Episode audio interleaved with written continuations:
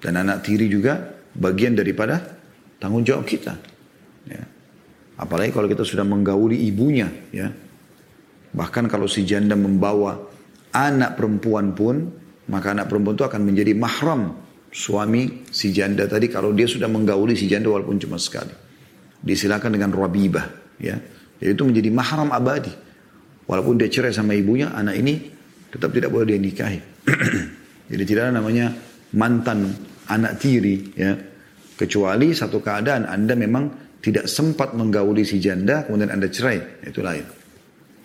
Maka ini penting juga untuk digarisbawahi.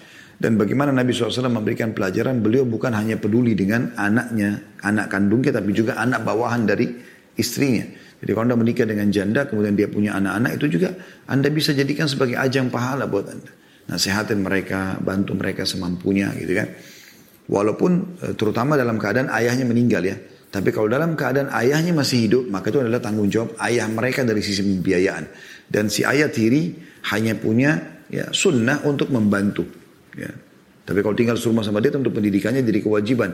Tapi maksudnya dididik dengan kebaikan, dia nasihati kalau salah. Tapi kalau kewajiban nafkah adalah kepada ayah kandung. Tapi kalau ayah sudah meninggal, maka di sini ayah tirinya juga membiayai dia tentunya. Nah ini pelajaran lain yang kita bisa ambil tentunya ya.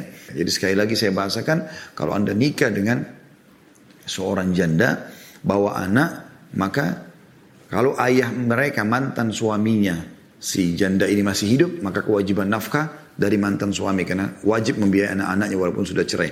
Tapi kalau sudah meninggal kayak kasus Abu Salamah meninggal radhiyallahu anhu maka si ayah tiri di sini bisa mengambil alih tugas itu ya. Dia memberikan semampu dia untuk pendidikannya, untuk eh, kebutuhannya dan segala macam seperti itulah. Jadi ini juga sebuah hukum tersendiri dan sudah kita jelaskan tadi.